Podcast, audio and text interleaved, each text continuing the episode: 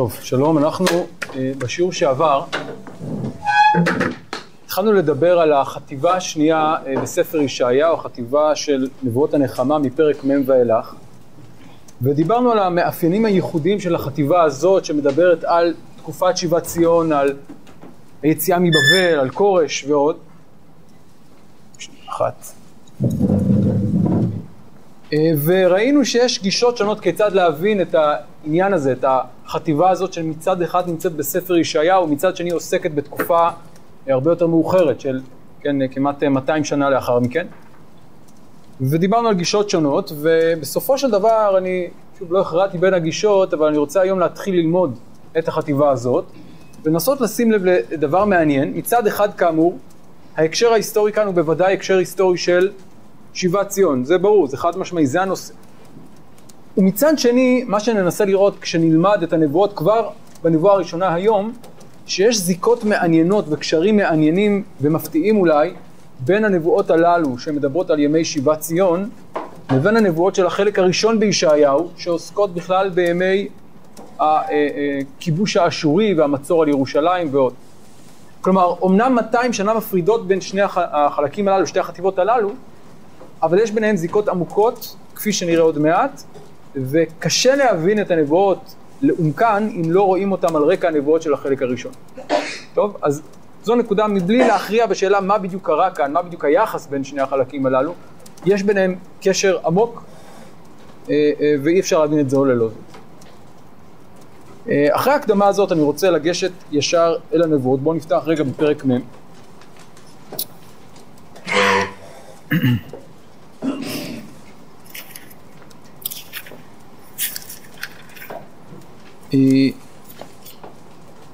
ואחת השאלות שיעסיקו אותנו כשלומדים אה, נבואות, בעיקר את הנבואות הללו, זה שאלת התיחום של הנבואות. כלומר, היכן הן מתחילות והיכן הן מסתיימות. אלה שאלות לא פשוטות, כלומר, לא תמיד ברור איפה מתחילה ואיפה מסתיימת נבואה, הרבה פעמים הרצף כאן הוא די אה, אה, מתמשך, בלי נקודות תיחום חד משמעיות, אבל זה חשוב, זה חשוב כדי שנדע מהו הנושא המרכזי, איך אפשר ללמוד את הנבואה הזאת. ומצד שני, כאמור, באמת הגבולות עמומים. אה, דוגמה לכך נראה כבר בנבואה היום, כאמור, התופעה הזאת. אה, וכאן נקודת הפתיחה היא מאוד בולטת, נכון? נחמו נחמו עמי, איך אני יודע שזה פתיחת הנבואה? אולי צריך ללכת אחורה, מה? זה התחלה, אולי, אבל אולי יש לנו פרק ל"ט גם, נכון? אולי זה מתחיל קודם. לא, למה לא? זה סיפורים. כי פרק ל"ט, כמו ל"ח ול"ז, עוסק בסיפורים על ימי ישעיהו בן אמוץ וחזקיהו ורב שקה ועוד ועוד. והוא חותם בדברי חזקיהו לישעיהו, טוב דבר אדוני אשר דיברת ויאמר כי יהיה שלום ואמת בעיניי. בזה נחתם הפרק, הסיפור והחטיבה הזאת של ישעיהו. אז ברור לגמרי שפרק מ' פותח חטיבה חדשה. אבל איפה מסתיימת היחידה הזאת של נחמו נחמו? כן? אתם מוזמנים קצת לקרוא, כיוון שאנחנו ככה עוד טריים, לאחרונה קראנו את ההפטרה הזאת, אתם בוודאי עוד יחסית זוכרים אותה. אגב, אני חושב שהחטיבה הזאת של נבואות הנחמה בישעיה אולי הכי מוכרת גם למי שלא לומד תנ"ך, מההפטרות, כי באמת הרבה הפטרות, הפטרות הנחמה לקוחות מכאן. אז ההתחלה היא בוודאי נחמו נחמו עמי, איפה הסיום? איזה פסוק? ג', למה? כי יש פסקה. טוב, אבל אה, נאמר כך, בוודאי יש כאן עוד אה, תיחום אה, יותר פנימי, אבל האם באמת עברנו לנושא חדש, או שאנחנו עדיין באותו נושא, באותו הקשר? בואו נחשוב רגע על פרמטרים, קריטריונים שייתנו לנו את, ה... את התחושה איפה מתחיל, איפה מסתיים קטע.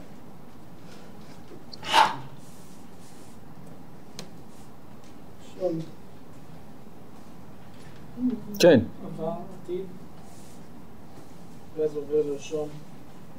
מה עבר? נחמו נחמו. עמי, פנו דרך השם,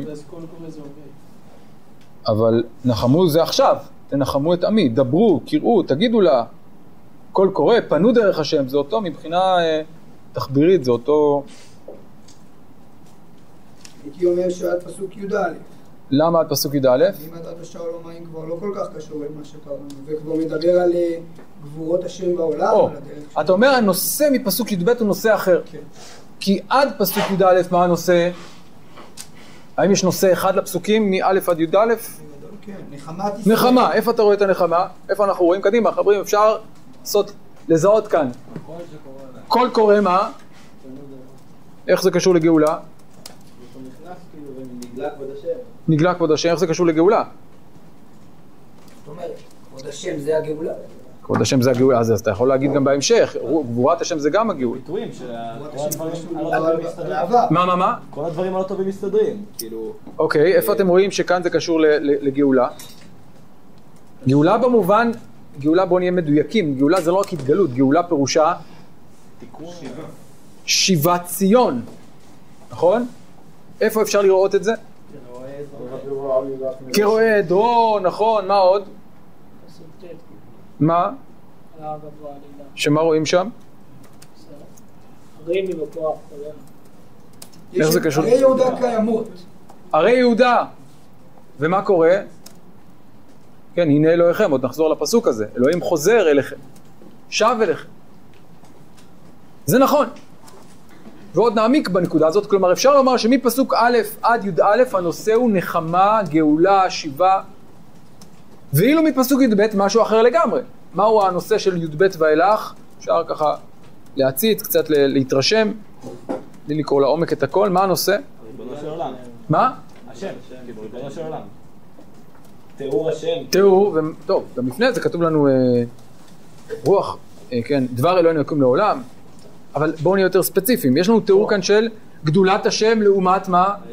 האלילים, כל הגויים כעין נגדו, אל מי תדמיון אל, אל מי תדמיון ואשווה, שאו מרום עיניכם, ראו מי ברא אלה, כלומר הנושא הוא באמת הבריאה, גבורות השם, השוואה בין אלוהי ישראל לאלוהי אה, העמים, לאלילים.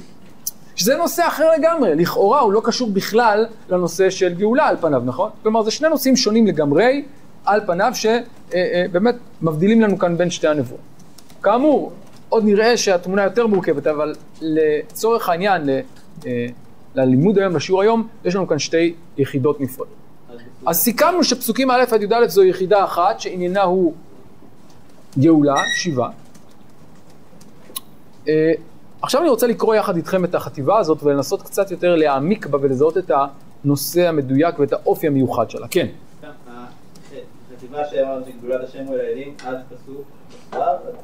אני לא יודע, נשאיר את זה לשיעור הבא.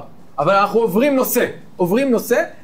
אתה צודק שהפסוק כ"ז פתאום אנחנו חוזרים, כן, למה תאמר יעקב ותדבר ישראל, נסתרה דרכי מהשם, נדבר על זה. טוב, אבל ברור שפסוק י"ב, י"ג, י"ד עוברים לנושא אחר. טוב, אם כך, אז יש לנו כאן יחידה, ושוב, זה עדיין אה, מאוד ראשוני, עוד לא העמקנו בה, עוד לא זיהינו האם יש בה באמת נושא, לכידות פנימית, אבל באופן כללי אפשר לומר שיש לנו יחידה אחת, נבואית ראשונה, היחידה שפותחת את נבואות הנחמה, כן?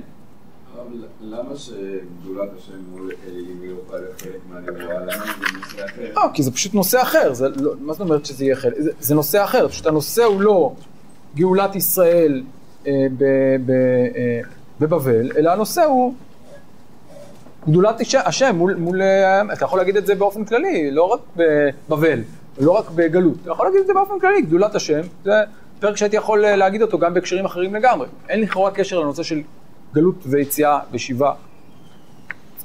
שוב, אני אומר בערבון מוגבל, עוד נחזור לזה, אבל בינתיים אין קשר ישיר. אם כן, זו הנבואה, אני רוצה עכשיו לקרוא אותה יחד, ותוך כדי קריאה, אני רוצה שתשימו לב, מעבר לנושא הכללי, האם אתם מזהים כאן עוד רכיבים, עוד אלמנטים שמאחדים את הנושא הזה, את הפסוקים הללו של הנבואה הראשונה. נחמו נחמו עמי יאמר אלוהיכם, דברו על לב ירושלים וקראו אליה, כי מלאה צבאה, כי נרצה עוונה, כי לקחה מיד אדוני כפליים בכל חטאותיה.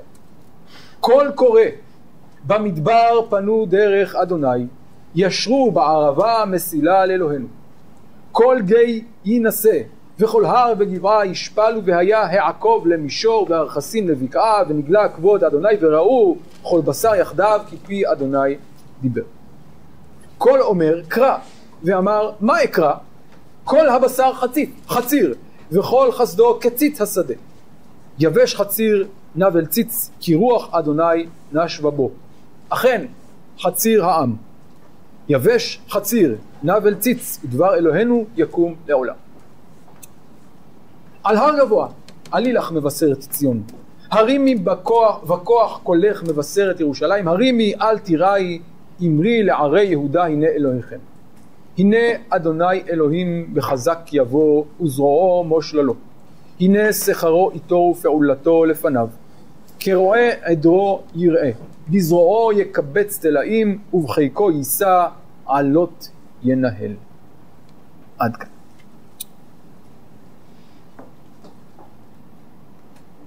שנות הגלות בבבל, כפי שאמרנו, היו שנים ארוכות שאין לנו מהם כמעט ידיעות, מלבד, שוב, נבואת יחזקאל בתחילת התקופה.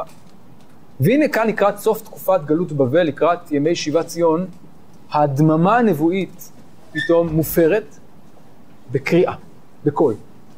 נחמו, נחמו עמי. והקול הזה הוא לא רק קריאה ש, שמפרה את, ה, את הדממה הנבואית הזאת, אלא היא קריאה שמניעה את העם לתהליך הזה של שיבת ציון. ולכן יש לה חשיבות גדולה מאוד בשינוי המציאות, לא רק בנחמה, לא רק בהרגעה, אלא בשינוי המציאות ממש. כלומר, הקול הזה שמתחיל כאן להדהד, להישמע, הוא הקול שילווה אותנו בהמשך הנבואה, והוא הקול שמלווה את שבי ציון בדרכם לארץ. הוא זה שמניע את התהליך הארצי. לכן, באמת נבואה מאוד מאוד חשובה ומרכזית. אה, וכפי שנראה בהמשך, זו לא הקריאה היחידה, יש כאן עוד קריאות. וכבר כאן אפשר לזהות, עוד מעט גם נזהה, הדים של נבואות קודמות, גם של ישעיהו וגם של נביאים אחרים, שיאפשרו לנו להעמיק בנבואה ולזהות גם את הזיקות, אבל גם את הייחוד שלו. אבל ראשית, אני חוזר לשאלה שבה פתחתי. האם אתם מזהים כאן איזשהו אלמנט שחוזר, שמחבר את החלקים השונים של הנבואה, מעבר לנושא הכללי של שיבת ציון? ביטוי, לשון, שחוזר על עצמו כאן? קול. מה עוד? קריאה. קול וקריאה. יפה. איפה יש לנו קול וקריאה? מה? קול קורא במדבר. לפני זה? יפה. דברו על לב ירושלים וקראו אליה. אז קודם כל דיברנו על קריאה. זה פסוקים א', ב', זו קריאה ראשונה. פסוק ג', קול קורא. הלאה. עוד. קול אומר קרא. פסוק ו'. עוד. הרימי וכוח קולך מבשרת ירושלים. יש לנו כאן אם כן קולות וקריאות שמחלקות את הנבואה הזאת, ואפשר לראות את זה גם בתנ"ך שלכם, לכמה חלקים, כמה, חטיב, כמה יחידות פנימיות? ארבע יחידות, נכון? דברו על ירושלים וקראו אליה פסוקים א' ב', קול קורא במדבר, קול קורא, סליחה, במדבר פנו דרך השם וכולי, וקול אומר קרא ואמר מה אקרא, זה אה, אה, אה, היחידה השלישית, והיחידה הרביעית זה הרימי בכוח קול. ארבע קולות וקריאות אה, שיש לנו כאן, ועוד מעט ננסה לזהות האם יש כאן איזושהי התפתחות בין הקולות, כן? אז נתחיל קודם כל ברמה הלשונית, זה מתחיל בקריאה, קראו אליה, עובר לקול קורא, ואחרי זה קול אומר קרא, ולבסוף מה ביחידה האחרונה? קול בלי קריאה, נכון? אז זה קריאה, קול קורא, קול קורא, וקול. זה ההתפתחות שיש לנו כאן. האם אפשר לזהות עוד התפתחות במהלך הקולות והקריאות הללו בנבואה? בין פסקה הראשונה, השנייה, השלישית והרביעית? מי אומר מה? מי אומר? יפה, מי אומר? יאמר. אלוהיכם. זה לא שנתי. נכון, יאמר, למרות שקראו אליה אתם, אבל אתם בשמי, כן? נכון? כלומר, זה אולי כל השם. מה קורה בשלב הבא? מי אומר את, ה, את המשפט, מי הוא הקול הקורא בהמשך? זה לא השם. למה? כתוב דרך השם. פנו דרך השם. בסדר, אבל גם כאן, כי לקחה מיד השם כפליים בכל חטאותיה, זה גם לא יכול להיות. כן, אבל, אבל, אבל אתה בעצם, כלומר, נחמו נחמו עמי, דברו על ירושלים וקראו אליה, הכוונה, אני אומר לכם, כן, אז אתה צודק שזה לא ציטוט ישיר של דבר השם, אבל בעצם זה, כן, השם רוצה שאנחנו, או שינחמו את ירושלים ויקראו אליה מכוחו. לעומת זאת כאן, הייתי אומר, אלו משרתיו שקוראים קריאה לפנות דרך עבורו. אה, גם הקול הבא הוא לא הקדוש ברוך הוא, נכון? קול אומר קרא, כל הבשר, כן, שהוא מבחין בין אלוהים לבין אדם. ומהו הקול האחרון? הקול האחרון הוא קול שנשמע מתי, מה תפקידו של הקול האחרון בפסוק ט'? מי קורא? בדיוק, מבשרת ציון היא קוראת כאשר היא רואה את בואו של הקדוש ברוך הוא, כלומר כאן זה כבר עובר ממש אל, ה, אל האדם, אל הארץ, אל העיר שהיא קוראת עכשיו לקבל את פני השם. אז יש לנו כאן מצד אחד התפתחות או שינוי, אפשר לומר מעבר מכל השם לכל האדם, כל העם, מצד אחד, ומצד שני אפשר לזהות עוד התפתחות. הקול הראשון, מה תפקידו? קודם כל, לנחם. כן, אז ירושלים בשלב ראשון איפה היא מצויה, איפה היא שקועה? באבל, בצער, בגלות. נחמו, נחמו עמי יאמר אלוהיכם. זו הקריאה הראשונה. דברו על ירושלים וקראו אליה, כלומר, תחלצו אותה מהצער, מהייאוש, מהעצב שבו היא שקועה. שלב שני, קול קורא במדבר פנו דרך, פינוי דרך. שלב יותר מתקדם. לפנות דרך למה? למסע. אז אחרי שהתעוררנו, עכשיו הגיע הזמן לצאת למסע בדרך, עוד נדבר על המסע הזה. אחרי זה יש לנו כאן, כפי שנראה גם, את ההשוואה בין האדם לבין אלוהים, אבל השלב האחרון מהו? מה קורה בשלב האחרון מבחינת התהליך? יש כבר, יש כבר מבשרת יום. כלומר, לאן, יש לנו כאן מסע שמסתיים, עוד נדבר על, ה, על הסיום הזה של המסע, אבל איפה הוא מסתיים עכשיו? הנה, הנה אלוהיכם, הנה השם אלוהים בחזק יבוא. איך הוא בא? הוא עובר באותה מסילה שהזכרנו קודם, והנה הוא מגיע אל ארצו, אל עירו, אל עמו, לציון. כלומר, אפשר לזהות דרך הקולות את התהליך שיש לנו מראשיתו, החל מההתעוררות של העם, ינחמו נחמו עמי, דרך המסע ועד השיבה ארצה אל ערי יהודה. טוב, עד כאן הייתה תמונה מאוד כללית וראשונית על הנבואה. רק ראינו קודם כל את הגבולות שלה, דיברנו על המבנה הפנימי שלה, על הנושא שלה ועל התפתחות הפנים. אבל עכשיו, אני חושב, מגיע העיקר, וזה אה, לימוד של הנבואה. ועוד מעט נראה שכשנלמד ונקשיב היטב ללשון הנבואה ולדימויים שבה, הסגנון שלה ולתוכן שלה, נשמע הדים מאוד מעניינים מנבואות אחרות שיעמיקו את ההבנה שלנו בנבואה. אז בואו נתחיל בפסקה הראשונה. נחמו נחמו עמי, יאמר אלוהיכם. דברו עליו ירושלים וקראו אליה, כי מלאה צבאה, כי נרצה עוונה, כי לקחה מיד אדוני כפליים בכל חטאותיה. עד כאן הפסקה הראשונה. אה, אז זה מתחיל בנחמה. אגב, למה נחמו נחמו פעמיים? מה? יש כאן משהו יותר ככה, אה, הפצרה כזאת. נחמו, נחמו, כן צריך הפצרה. ואולי, אולי, יש כאן אה, גם דבר מעניין ש... מה? עבר ועתיד. עבר ועתיד. מה, שפעם אחת עבר הפעם... איך אתה רואה את זה אחד הם נחמו.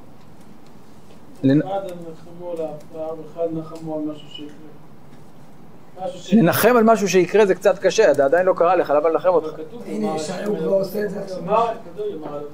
טוב, אני לא רואה דקדוקית ההבדל, אבל כן אומר שיש לנו סיום מעניין, כי לקחה מיד השם כפליים בכל חטאותיה.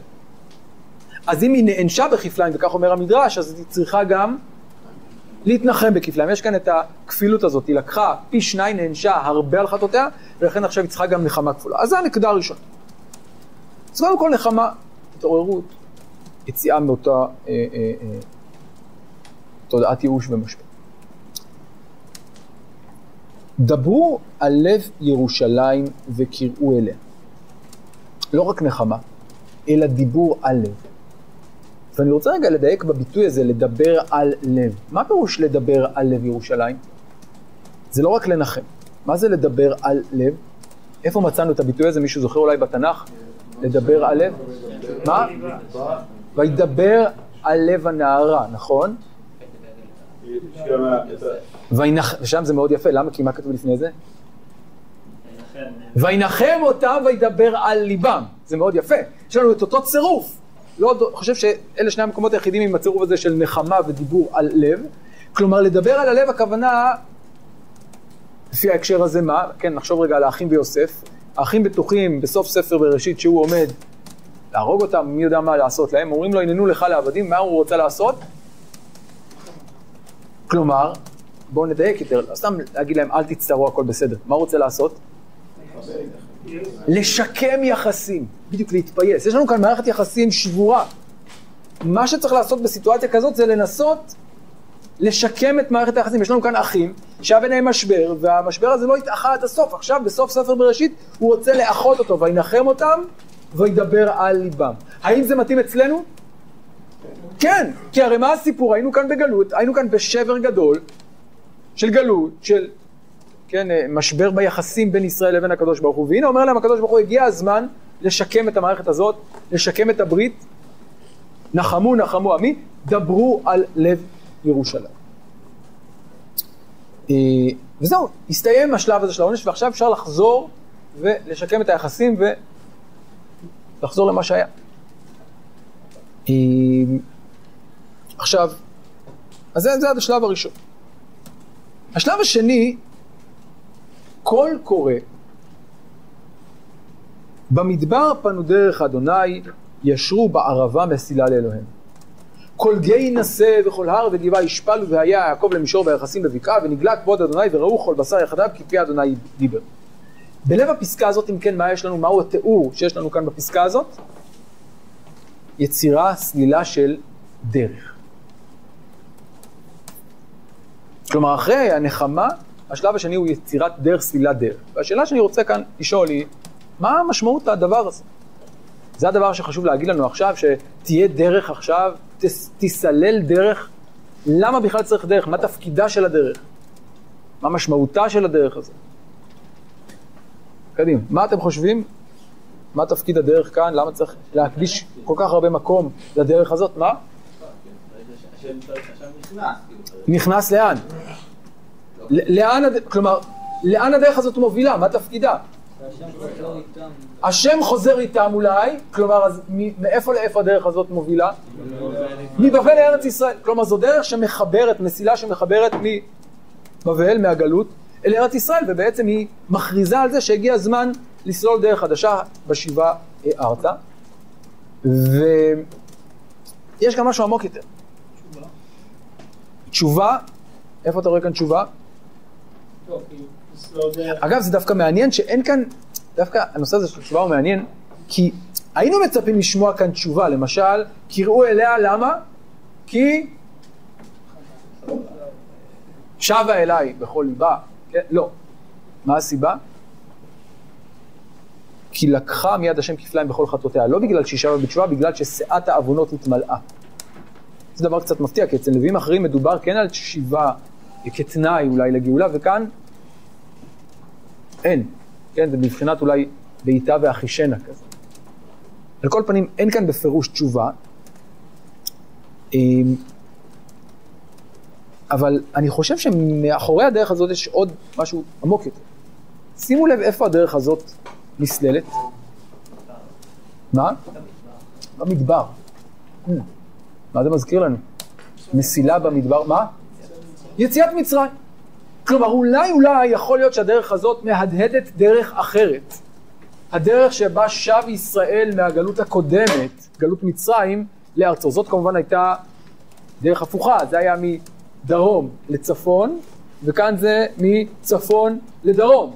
אבל הרעיון שאנחנו הולכים כאן בדרך מהגלות לארץ, הוא רעיון, דרך המדבר, הוא רעיון דומה. ואולי יש לזה ראייה בספר ישעיהו, בפרק י"א. בואו נחזור לפרק י"א בישעיהו. ושימו לב לדבר המעניין הבא, לביטוי המעניין הבא. בפרק י"א נאמר כך, לאחר נבואת הנחמה, נבואת אחרית הימים, נאמר כך.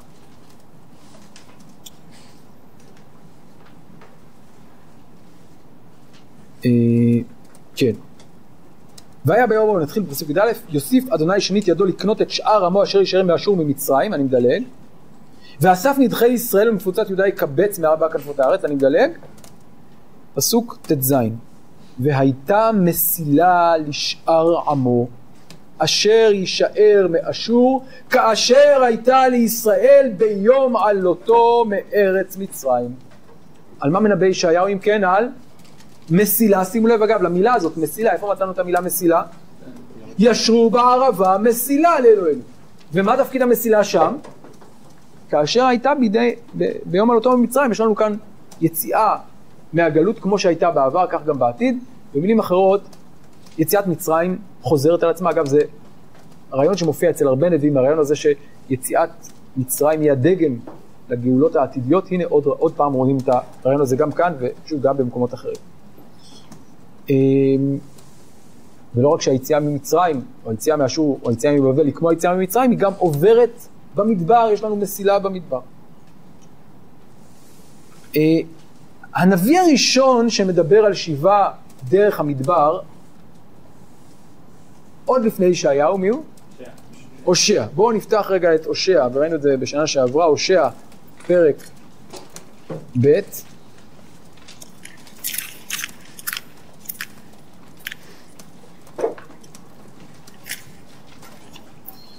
אז הושע מספר לנו על, ה, שוב, על העונש החריף שיהיה לעם וכולי, ואז הוא אומר כך בפרק ב' פסוק ט"ז, לכן הנה אנוכי מפתיה, והולכתיה המדבר ו...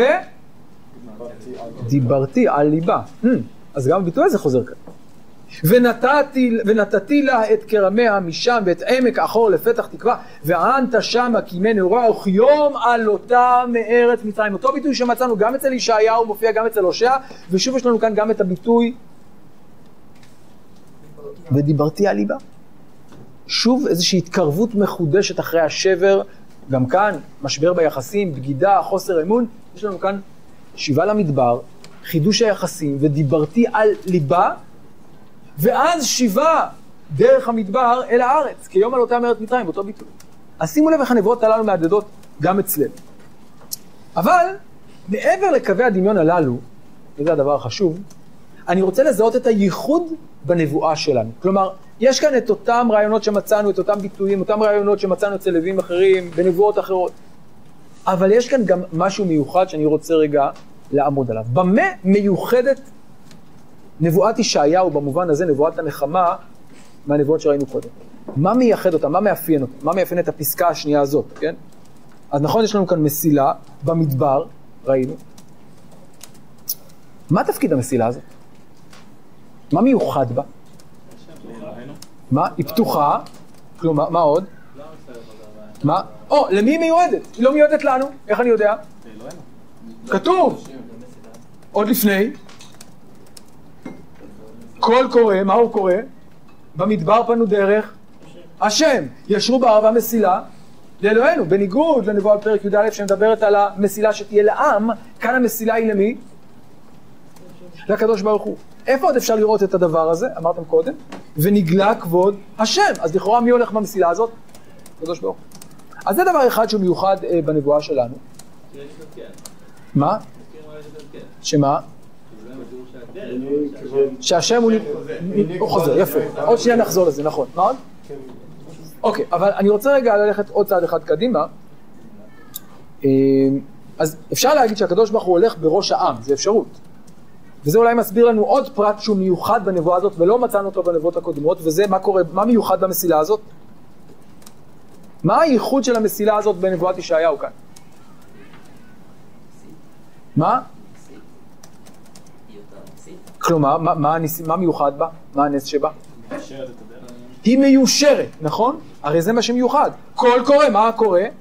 במדבר פנו דרך השם, ישרו בערב המסילה. מה זאת אומרת ישרו? הנה, כל גיא יינשא, וכל הר וגבעה ישפלו. ויעקב למישור וירסים לבקעה. אז מה יהיה לנו כאן? מסילה ישרה.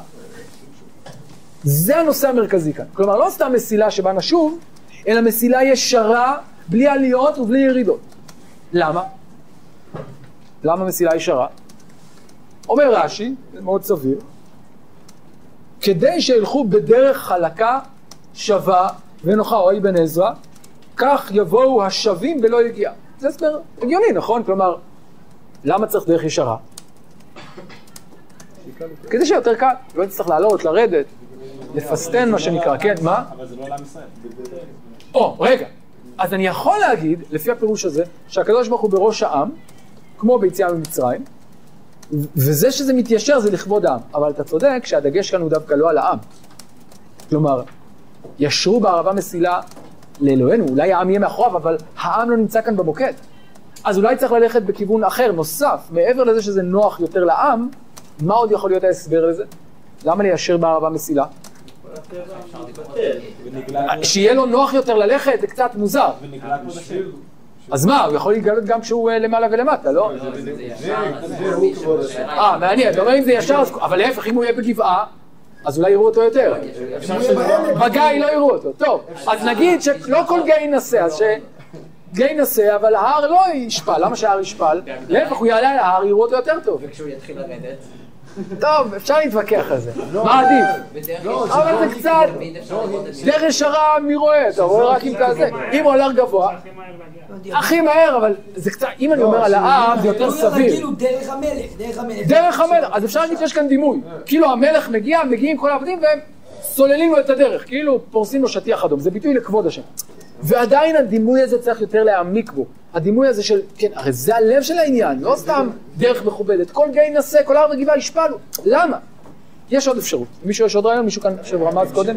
מי מדד בשעלום מים? רגע, רגע, לא, עזוב שנייה את ההמשך, אני עוד לפני. עוד לפני מי מדד בשלום מים.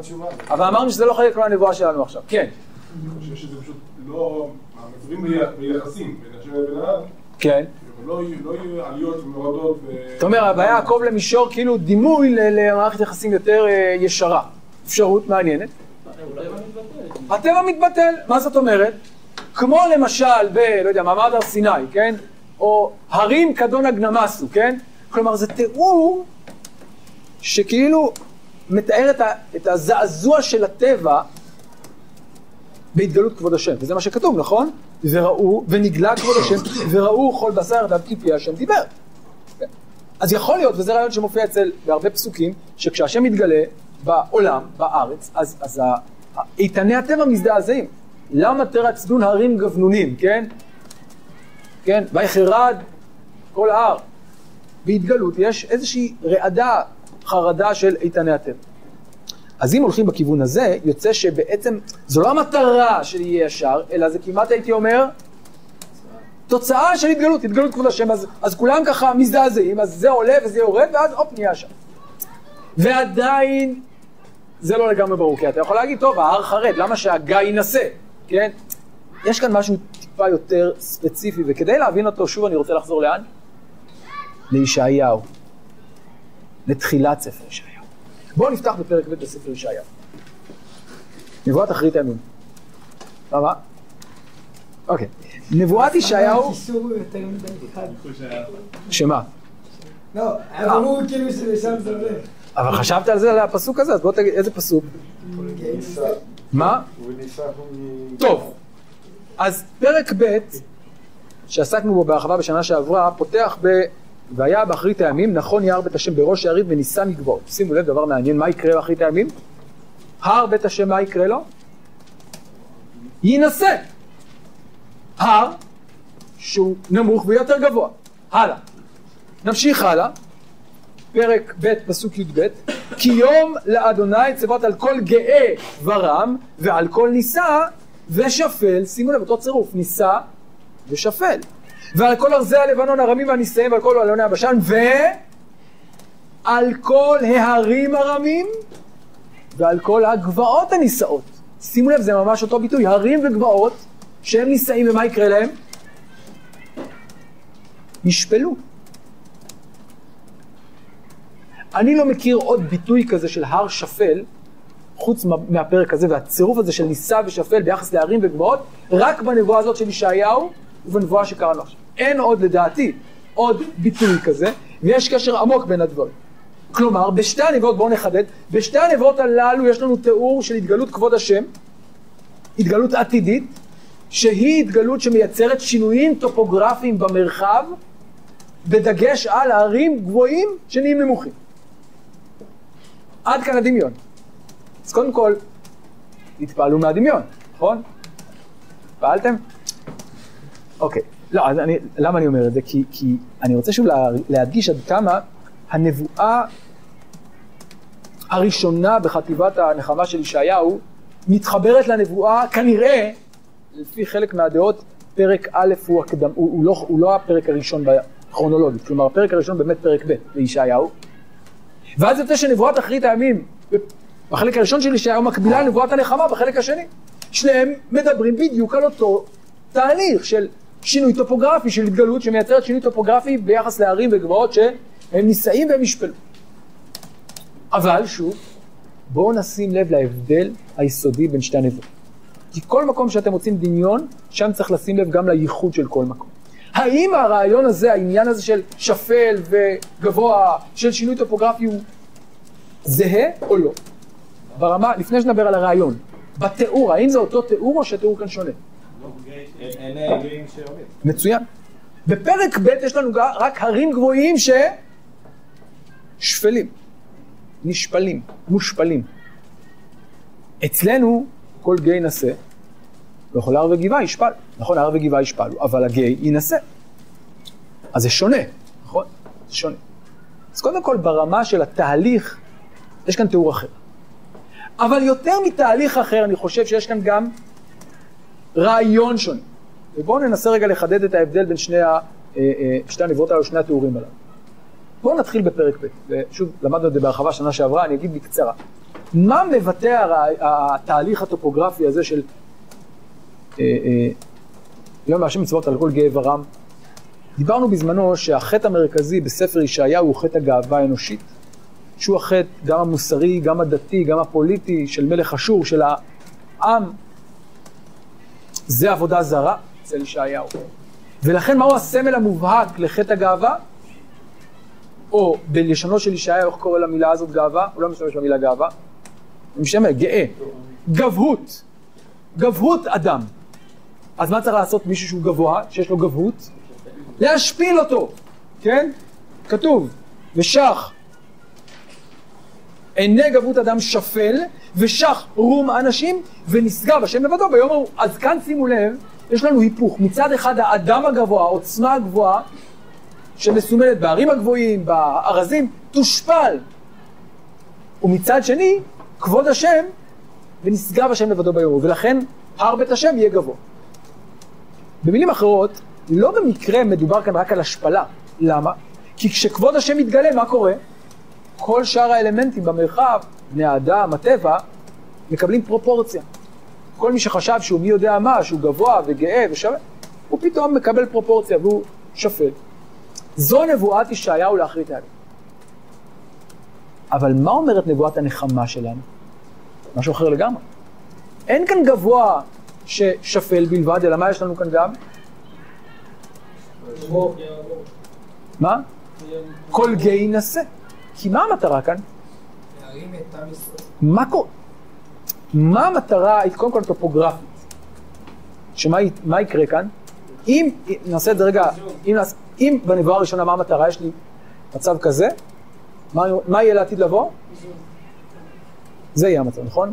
עכשיו, הר בית השם נמוך, וכל גאה ורם, בני האדם בטוחים בכוחם ועוצמתם, מלך אשור, ארזי הלבנון, מה יקרה לעתיד לבוא? שח גבות האדם ונשגב השם לבדו, בסדר?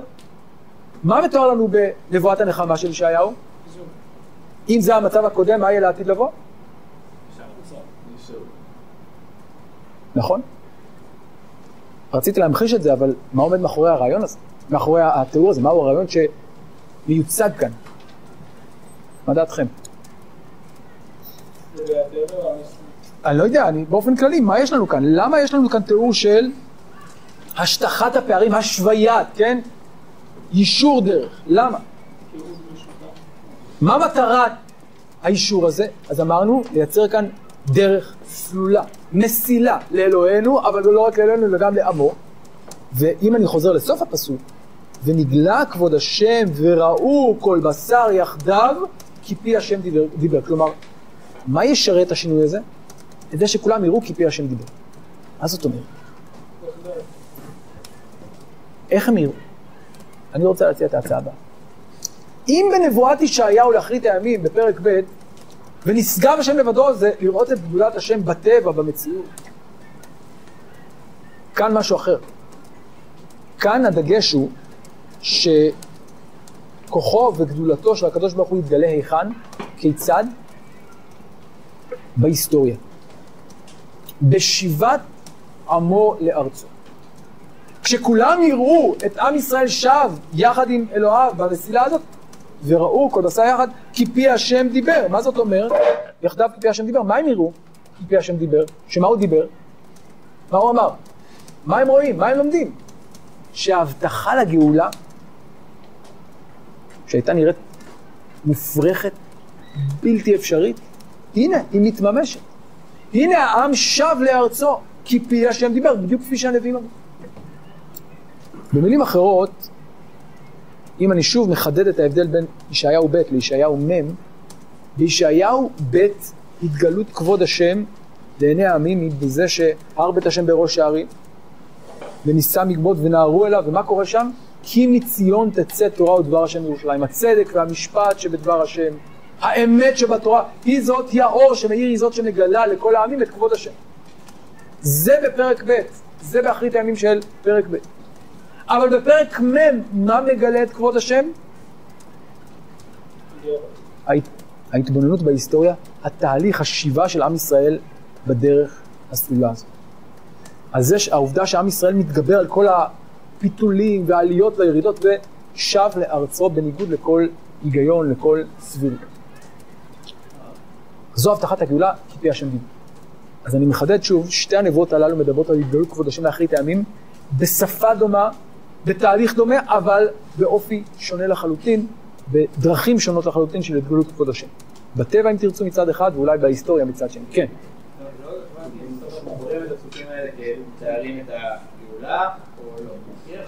כן. זה מתאר את הגאולה. אני אומר, זה מתאר את הגאולה בכמה מובנים. א', בזה שהעם שב לארצו, ב', בזה שאלוהי ישראל שב בראש עמו, ו, ויש כאן איזושהי, אה, אה, אה, כאילו, אה, אה, אה, הטבע, כאילו, אה, אה, שוב, אפשר לראות את זה כריאלי, אפשר לראות את זה כדימוי, הטבע כולו, כאילו, אה, נחרד בהתגלות כבוד השם, ו... אבל אני חושב שבעיקר החידוש כאן זה כי פי השם דיבר, מה פי השם דיבר? הוא הבטיח. מה הוא הבטיח? שיבה. והנה יש לנו כאן שיבה לארץ. זו, זו, זו ההבטחה הגדולה וזה הייחוד שיש לנו כאן בתיאור הזה. אה, ומה שאמרתי כאן אולי הוא קצת מופשט, אבל בואו נראה את הדברים בצורה יותר מפורשת בפסקה השלישית. כל אומר קרא, ואמר מה אקרא? מה לקרוא? עכשיו שימו לב, הקריאה הקודמת הייתה קריאה טכנית. הייתה קריאה שאמרה קדימה תיישרו דרך. למה? כי פי השם.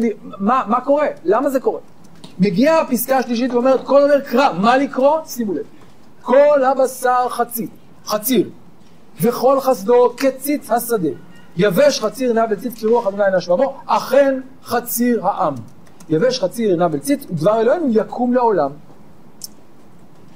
אז קודם כל שימו לב שהפסקה הזאת נקשרת לפסקה הקודמת בביטוי כל בשר. קודם ראינו וראו כל בשר יחדיו כפי השם דיבר, וכאן כתוב כל בשר חציר. אבל מה מתחדד כאן בפסקה הזאת? מה הנושא המרכזי שלה? מה הקריאה העיקרית כאן? יש כאן הנגדה, הנגדה בין כל הבשר לבין דבר אלוהינו. כל בשר חציר, כל חסדו כציץ השדה. מה זה אומר חציר וציץ? מה הפשר הדימוי הזה של חציר וציץ בהקשר הזה? חולף, מה עוד? קטן, נכון? חסר ערך אולי. ובעיקר אני חושב, אי אפשר לסמוך עליו. לעומת זאת, מה הניגוד? יבש חציר נבל ציץ, ודבר אלוהינו יקום לעולם. אז זה לא סתם הבחנה בין בשר לבין הקדוש ברוך הוא, אלא בין היציבות שלו, האם אפשר להסתמך עליו, לבין דבר אלוהינו. ואם אני מחזיר אותנו, כן, אה. כן, כן, כן. יכול להיות שגם המסילה, האיזון הזה, כתוב בסוף, ראו כל בשר דרכי ויש מזה. יכול להיות שכל סביב, הם יושבים על הערים, אחד גבוה, אחד נמוך. עכשיו, הכל מאוזן, עכשיו באמת... כולם רואים, זאת אומרת, הישוע, אז זה מה שאמרו, הזכירו אולי קודם, שיש כאן בעצם איזושהי, כלומר, ראייה שקשורה לזה שהכל כאן משתטח. פתאום יש יכולת לראות. כן. יכול להיות שזה מתחבר לאותה נקודה.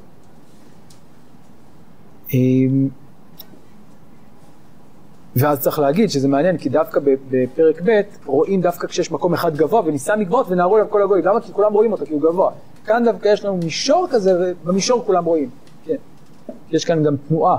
אנחנו נמצאים בגלות, צריכים לנוע. אבל אני חוזר לנבואה שלנו, על מה מדובר כאן? מה זה דבר אלוהינו יקום לעולם? על איזה דיבור מדובר כאן?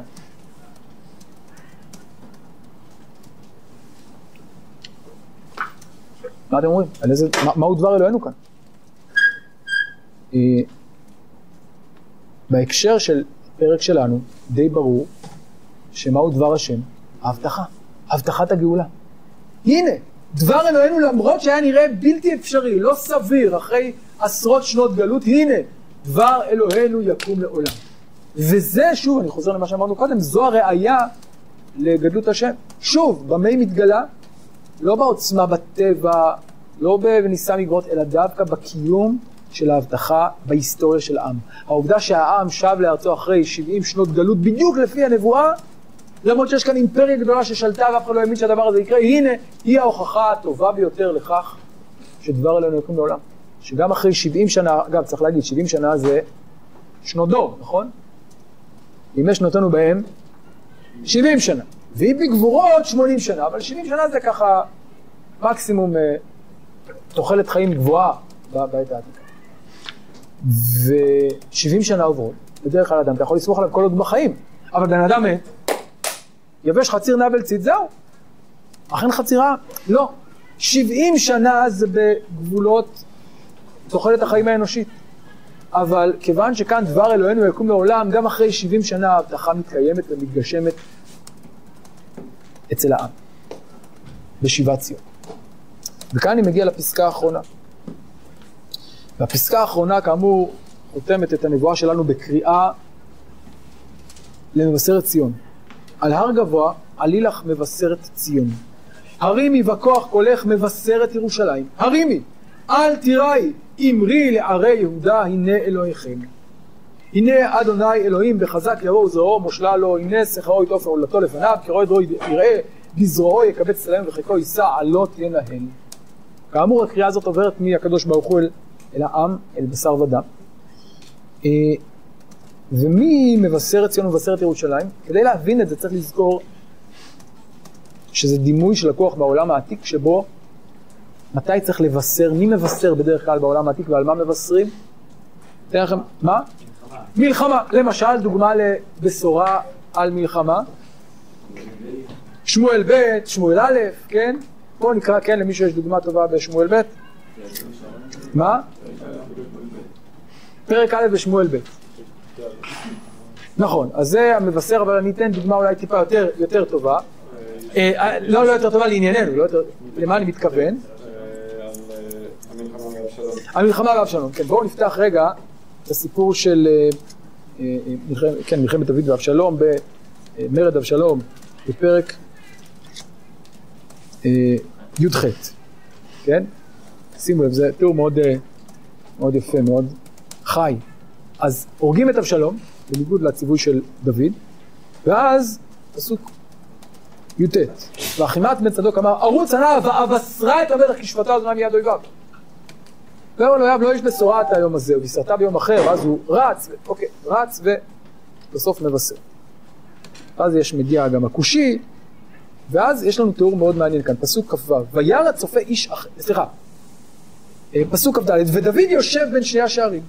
עכשיו שימו לב למתח שיש לנו כאן, כי דוד יושב שם, והוא מצפה, למה הוא מצפה? מה? לבשורה. עכשיו, הבשורה היא אחת משתיים, או שניצחנו, או שהפסדנו, אם ניצחנו נהדר, אם לא, אוי ואבוי, הצבא שלו יהיה בדרך לכאן. כלומר, זה רגע מאוד מאוד מותח. את כולם, אז מה עושים? אין לנו ידיעות אה, מיידיות, מה עושים? מחכים למה? למבשר. איך מחכים למבשר? מישהו על מגדל. שמים צופה שיראה מה קורה, כן? ויודיע. וילך הצופה לגג השער, ויישא את עיניו והנה איש רץ לבנו. ויאמר, ויקרא צופה ויגל למלך. עכשיו מה צריך לעשות? מהמרים, רגע, רגע, רגע. הצופה הזה, המבשר הזה, איזה בשורה יש לו? טובה או רעה? אז מהמרים. מה אומר דוד? אם לבדו, בשורה בפיו. טוב, זה כנראה בשורה. איזה בשורה טובה או לא? לא? בטוח. וירא הצופה איש אחר רץ ויקרא הצופה אל השוער, אתה צודק שקודם ראינו, אבל שנייה נמשיך הלאה. ויאמר הצופה אני רואה את מרוצת הראשון כי מרוצת אחימץ בן צדוק ויאמר המלך איש טוב זה, ובשורה טובה יבוא. אה, אם זה אחימץ כנראה שמה? שזה בשורה טובה. האם הוא יודע בוודאות? לא, אבל זה איזושהי תחושה כזאת. אם הוא זה כנראה בשורה טובה. ואז מגיע אחימץ ואומר את הבשורה, וישתחו, ברוך אדוני אלוהיך אשר סגר את האנשים אשר נשאו את ידם באדוני. טוב, אז שימו לב למתח הזה, מתפרק ברגע שמגיע המבשר ואומר, ניצחנו, כן. וואו. אז הצופה והמבשר זה סיטואציה מאוד מתוחה. המלך חוזר משדה הקרב, האם הוא ניצח או לא, לא יודעים, והנה זה התמונה גם אצלנו. על הר גבוה אני לך, למה תעלי? למה תעלי על הר גבוה? כדי לצפות, לראות מתי המלך מגיע, אם הוא מגיע. הרימי בכוח קולך, למה תרימי בכוח? תצעקי, למי תצעקי? לעם, המלך הגיע. הרימי, אל תראה, אמרי להרי יהודה, הנה אלוהיכם, הנה הוא הגיע, הוא שב, המלך חזר משדה הקרב, זה דימוי שוב של מלך שחוזר משדה הקרב. הנה אדוני אלוהים בחזק יבוא וזרוע מושלה לו, הנה שכרו טוב ופעולתו לפניו, הוא שב, הוא שב משדה הקרב, ויש לנו כאן שני דימויים ובזה נסיים. איך הוא שב, שימו לב, מצד אחד, דימוי ראשון, בחזק יבוא, מלך ששב משדה הקרב, עם מה הוא חוז, חוזר משדה הקרב? קודם כל בחוזקה, בעוצמה וזרועו, ועם מה הוא שב? שכרו ופעולתו, מאיפה- מאיפה יש לו שכר? לשלם? מהשלל, זו תמונה אחת. מה מייצגת כאן הזרוע אם כן? כוח, עוצמה צבאית, ניצחון. והנה בהמשך נסיים את הנבואה בתמונה שונה לחלוטין, בדימוי אחר לגמרי. כרואה עדרו יראה. אם קודם ראינו את הדימוי של מלך ששב משדה הקרב וזרועו מושלה לו, כרואה עדרו יראה בזרועו יקבץ תלאים ובחיקו יישא עלות הנה. לתמונה אחרת לגמרי. הקדוש ברוך הוא לא כמלך מצביא אלא כ... כרועה. ומה תפקיד הזרוע כאן? מה מייצג את הזרוע? מה עושה הזרוע הזאת? רואה. בזרועו יקבץ תלאים. יש לה איזה כבש קטן שככה הלך לאיבוד, מה עושה הזרוע? יקבץ. בחיקו מה הוא עושה? יישא. עלות ינהל. ומנהל אותם בעדינות, ברגישות. וזה הדימוי, אני חושב, מצד אחד לעוצמה שיש בשיבת ציון, ומצד שני גם לעדינות שיש בה, ולרגישות שיש בה, כי צריך כאן לקבץ, נדחי, מה שנקרא מקבץ נדחי ישראל. דהיינו, קיבוץ שדורש יחס אישי לכל אחד ואחד. כל מי שהתפזר במהלך הגלות הארוכה, צריך עכשיו לשוב לציון בהנחיה הזו של הרועה. שני הדימויים האלה, האלה משתלבים כאן בסוף הנבואה, הדימוי של זרוע של מלך, של מצביא, מצד אחד שמבטאת את העוצמה והכוח, והזרוע שמקבצת את הטלאים בעדינות, ברוך, ברחמים, ושתי אלה מצטרפות יחד לתיאור הכפול הזה של שיבת ציון. וכאן מסתיים התהליך, הם שבו, קיבץ אותם, והם שבים איתו אל ערי יהודה. עד כאן אם כן, הנבואה הראשונה, וכבר כאן שמתם לב לזיקה המעניינת בין ישעיהו, בנבואת הנחמה הזאת, לבין הנבואות בחלק הראשון. בעזרת השם, בשיעור הבא, נעמיק את ההבנה בנבואה הזאת לאור הנבואות הבאות, שלכאורה עוזרות לנושא אחר לחלוטין, אבל כפי שנראה, יש קשר פנימי בין הדברים. נראה בשיעור הבא.